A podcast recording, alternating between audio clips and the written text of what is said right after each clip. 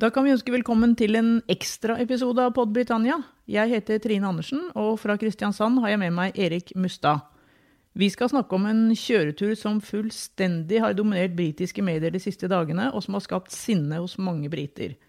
Boris Johnsons nærmeste rådgiver Dominic Cummings kjørte altså over 40 mil nordover i slutten av mars, og det skjedde i en tid da Storbritannia var nedstengt og britene ble bedt om å holde seg hjemme. We shall never surrender. The pride in who we are is not a part of our past. It defines our present and our future. The people of Scotland have spoken. England, Scotland, Wales, Northern Ireland, together, taking us forward, unleashing the potential of the whole country. Order!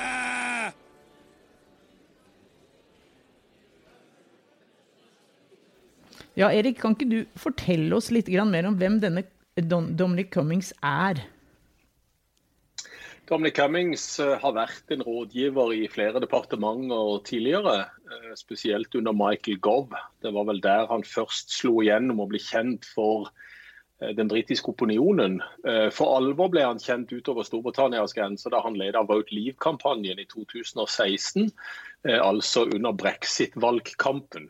Og Han blir ofte omtalt som den som klarte å vippe opinionen i Storbritannia til å stemme for brexit i 2016. Spesielt gjennom dette slagordet 'take back control'. Eh, og Da eh, Boris Johnson eh, tok over for Teresa May i fjor sommer, da Johnson ble leder av det konservative partiet og altså ble statsminister, så var det da eh, Dominic Cummings eh, som ble den første rådgiveren som ble eh, ansatt av Boris Johnson. Og Johnson kjente jo Cummings fra Vote Leave-kampanjen. Vi vet jo at også Johnson var en fremtredende brexit-forkjemper. Så Mye av grunnen til at han ansatte Cummings eh, som spesialrådgiver i Downing Street nummer 10, var jo nettopp fordi at han ønska å gjennomføre brexit. Ja, Boris Johnsen forsvarer jo nå Cummings med nebb og klør her. Det er jo, altså Han gjør det på en måte som, som, er litt vanskelig nesten å forstå. Så sterk er, er hans forsvar. Altså hans, e, Boris Johnsens egen popularitet den lider jo veldig under dette. her. Jeg ser, jeg ser en meningsmåling i dag tidlig som, som sier at uh, hans rating, altså hans popularitet, Johnsens popularitet, har gått ned med 20 prosentpoeng bare siden denne saken sprakk. Hvorfor investerer han så enormt mye i å beholde Cummings? Fordi at Cummings er helt eh, nødvendig for uh, statsministerens politiske fundament.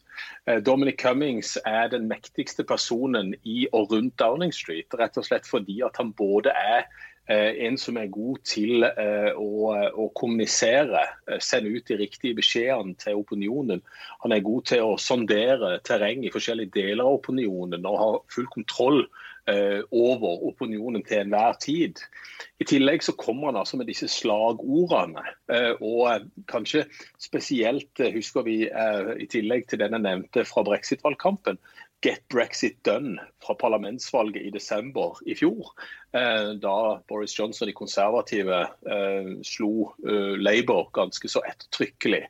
Og 'Get Brexit Done' var jo også et slagord fra Dominic Cummings. Så er jo Boris Johnson en statsminister som vi kan si mangt og meget om.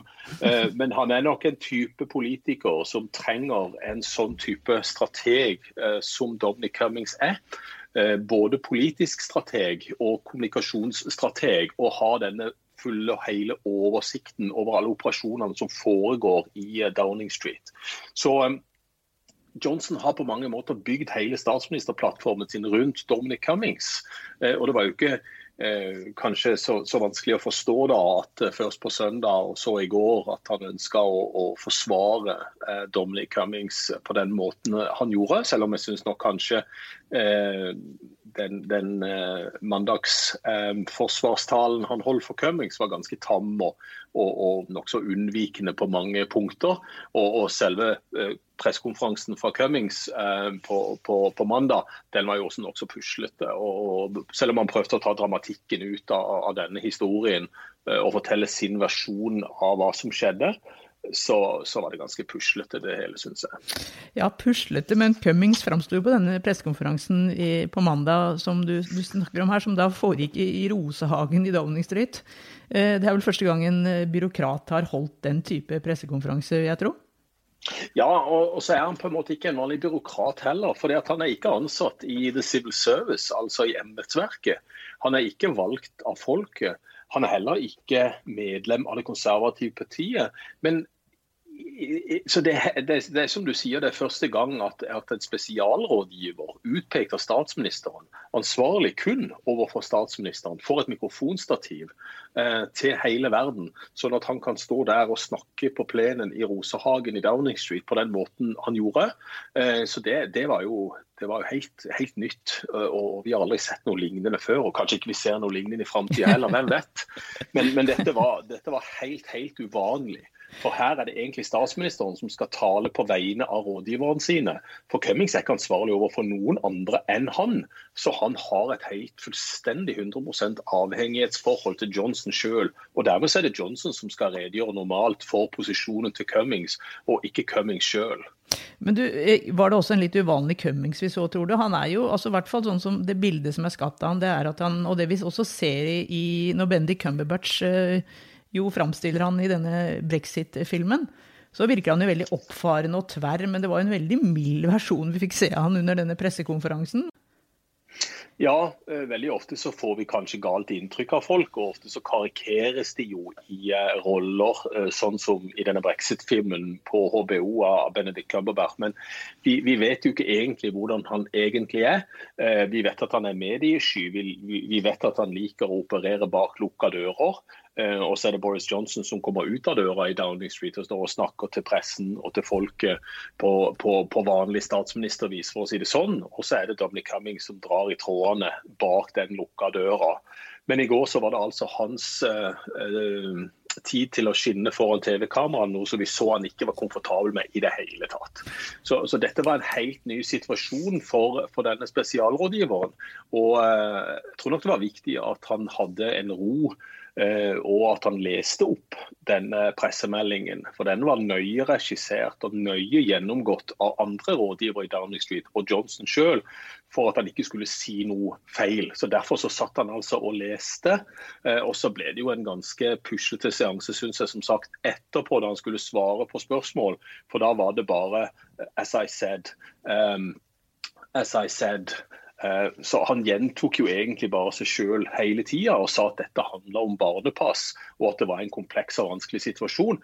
Og at han eh, plutselig fant et smutthull i de reglene eh, om lockdownen og korona som han sjøl hadde vært med og lavt. Nemlig det at hvis det var en kritisk situasjon, så hadde man muligheten til å gjøre dette han gjorde. Derfor så syns han vurderingen var god og rimelig og innenfor lovens grenser. Ja, Men dette smutthullet, kan det omfatte det andre han fortalte han hadde gjort? At han kjørte en femmilstur fra foreldrenes hus til det som heter Barnet Castle første påskedag, en dag som sikkert mange briter kunne tenkt seg en tur ut. Og, og, han forklarte at han gjorde dette fordi han måtte sjekke synet, som var blitt litt påvirket etter at han hadde hatt covid-19. For, for, å prøve å sjekke da om han var i stand til å kjøre den lange turen tilbake til London. Og underlig nok så kjørte han da med både kone og, bil, kone og, og sønn i bilen. Og han sa jo også at de gikk ut av bilen og satte seg på en benk ved elvebredden i et kvarters tid. Dette er jo heller ikke helt etter reglene, da. Kan det være det Nei. som til slutt på en måte kan felle han, og ikke denne kjøreturen opp til, eh, til Durham? Ja, Det er vanskelig å si hva som feller han hvis han blir felt. Men, men eh, dette høres jo rett og slett bare litt tåpelig ut og litt eh, stakkarslig ut. ja. og, og, og, litt sånn bortforklarende ut eh, i, i, den narrativen eller i den storyen han fortalte på denne pressekonferansen. så da Johnson på pressekonferansen etterpå sa det at dette var en vurdering som han mente var riktig i forhold til barn og det å være far og, og osv., Eh, men jeg syns jo hele, hele forklaringa på hvorfor han gjorde dette, og eh, dette lille smutthullet da om at eh, når det om når det omhandla barn, så, så, var det mulig å, å, bryte reglene, ikke bare for han, men, men for alle sammen i, i det britiske samfunnet. Og det er, det er, jo denne kritikken som har vært hovedkritikken mot Cummings. At han som en representant for eliten har noen regler å forholde seg til. og Det er jo ikke så farlig om man bryter de mens andre ikke får lov til å bryte disse reglene. Og så er det jo eh, ironien i det hele at det er Cummings som igjen har kommet opp med slagordet 'stay at home, save lives'. eh, og så er det han som bryter reglene, og så skal det ikke få noen konsekvenser, det har den vanlige menigmann i Storbritannia virkelig vanskeligheter med å forstå. Ja, og det er jo det som er alvorlige, veldig stor alvor i den saken, som du sier. For vi sitter jo igjen med et klart inntrykk at det er en egen regel, at det er andre regler for de på toppen enn for folk flest. og Tror du det kan føre til rett og slett at flere begynner å slakke litt på, på disse reglene? De har vært ganske flinke til å følge dem nå i, i, Stor, i Storbritannia. Selv om vi har sett mye folk på, på eh, strender og i parker og sånn, så har vel folk flest vært veldig flinke og ofret veldig mye for å følge reglene. Og hvis det nå begynner å, å, å svikte, og folk begynner å miste litt tillit til Johnson og, og sånn, det er jo svært alvorlig. Ja, eh, hele denne saken er jo alvorlig. Det viser jo bare uh, denne pressekonferansen på mandag. Uh, det å bryte alle uh, regler fra etikett i forhold til hvem som skal holde pressekonferanser, som vi var inne på. Dette er første gang en spesialrådgiver gjør det. Og det i seg selv viser jo alvorligheten i i denne eh, situasjonen eller i denne saken. Det har nok ikke Cummings fulgt eh, og skjønt helt sjøl, eh, at dette har blitt så alvorlig som det er blitt. Og Han sa jo også eh, på mandag at han burde kanskje informert før. Han burde kanskje informert statsministeren at han dro, og snakka med han og fått råd fra statsministeren om dette var en reise han skulle ta. Så, så, her er det veldig mange ting som, som peker mot at det er nesten utrolig at han sitter og forsvarer en, en sånn en sånn eh, beslutning om å dra denne veien til Nordøst-England og, dra tilbake igjen. og Denne, denne lille adspredelsesturen eh, som, som, du nevnte. Ja, Dette ene ordet 'sorry', altså unnskyld, det, det, virker som det sitter veldig veldig langt inne. Tror du det hadde, hadde, hjulpet hvis de hadde sagt det til å begynne med? At 'sorry, men vi gjorde en feilvurdering'? Ja, jeg tror jo at politikere kommer lenger med å si at vi beklager. Dette burde vi ikke ha gjort. Jeg burde ha gjort det på en annen måte, jeg burde håndtert situasjonen på en annen måte. Da spiller han jo på en sympati i offentligheten som veldig ofte er der. Eh, og Hvis han hadde gjort det, så tror jeg kanskje folk hadde sagt at OK, vi forstår den menneskelige sida av dette. Istedenfor så glatter de over dette og sier at han ikke har eh, begått noen lovbrudd. At dette var en rimelig vurdering. Og det var mange ting å veie opp mot hverandre, som han sa flere ganger på mandag. Eh, og Dermed så, så, eh, så, blir det mer problemer for han enn det han strengt tatt trengte å ha, hvis han hadde kommet ut og sagt at OK, dette var en feil, det var en feil vurdering, jeg burde ikke ha gjort det. Vi har to andre eh, smitteeksperter i eh, den britiske regjeringen, altså i støtteapparatet rundt den britiske regjeringen i denne koronalockdownen. Eh, begge de to brøyt reglene, eh, spesielt Nile Ferguson, som er professor i medisin. Eh, han skulle ut og lufte seg med elskerinna si og ble tatt på fersken, og måtte da gå umiddelbart. Så da kan du tenke en ting at det er én regel for Cummings og for andre mennesker, men da er det også altså én regel for Cummings og en annen regel for Nile Ferguson, som er var den fremste eksperten i, i denne koronasituasjonen for den britiske regjeringen. Nå er det veldig vanskelig å spå framover hvor lenge denne saken kommer til å leve, og hva som kan, kan, skje. Her kan jo plutselig komme en ny stor ting som kan skygge over for denne. Men hva, hva tror du? Tror du dette bare kommer etter hvert til å fade ut, og så, og så fortsetter Cummings i nummer ti? Det er vanskelig å si. Men uh, dette her er jo en sak som ikke kommer til å forsvinne. Men den holdes jo litt uh, i live av media og opposisjonen og helsevesenet og alle de som ønsker å si noe i denne saken. Så det kommer an på hvor lenge media ønsker å spinne videre på, på dette. Eh, og om man lykkes da eventuelt etter mandagens seanse å ta ut dramatikken av denne situasjonen, sånn at dette dør etter hvert. Men du, Men, det, det er vel ikke bare mediene her? Jeg tenker på alle disse backbenchene, altså alle disse som sitter på de bakre benker av de konservative. Han Cummings er jo ikke så veldig populær blant dem heller? Nei, han er ikke det. Men, men, jeg tror det dør fortere i parlamentet enn det dør i, i mediene eventuelt. Mm. Så jeg tror det er mm. mediene som, som, er nøkkelen til hvor langt dette eventuelt kommer til å gå.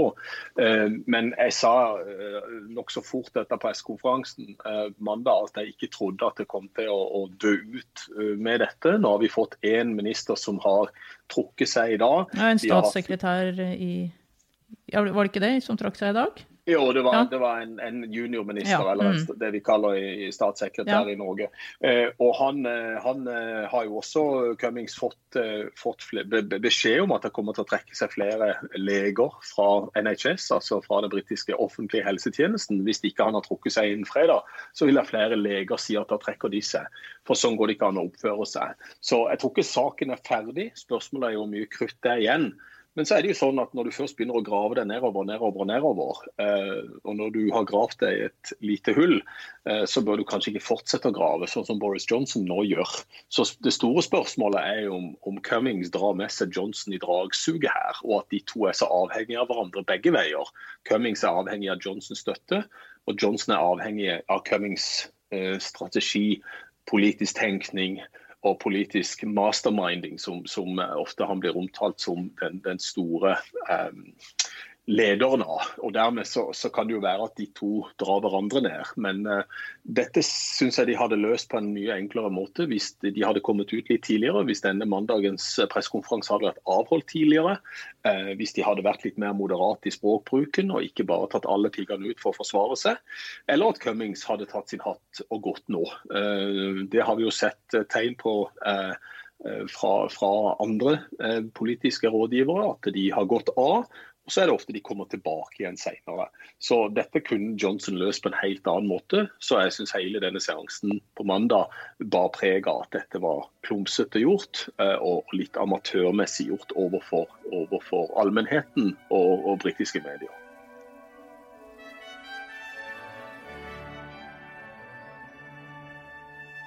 We shall never surrender. The pride in who we are is not a part of our past. It defines our present and our future. The people of Scotland have spoken. England, Scotland, Wales, Northern Ireland together, taking us forward, unleashing the potential of the whole country. Order!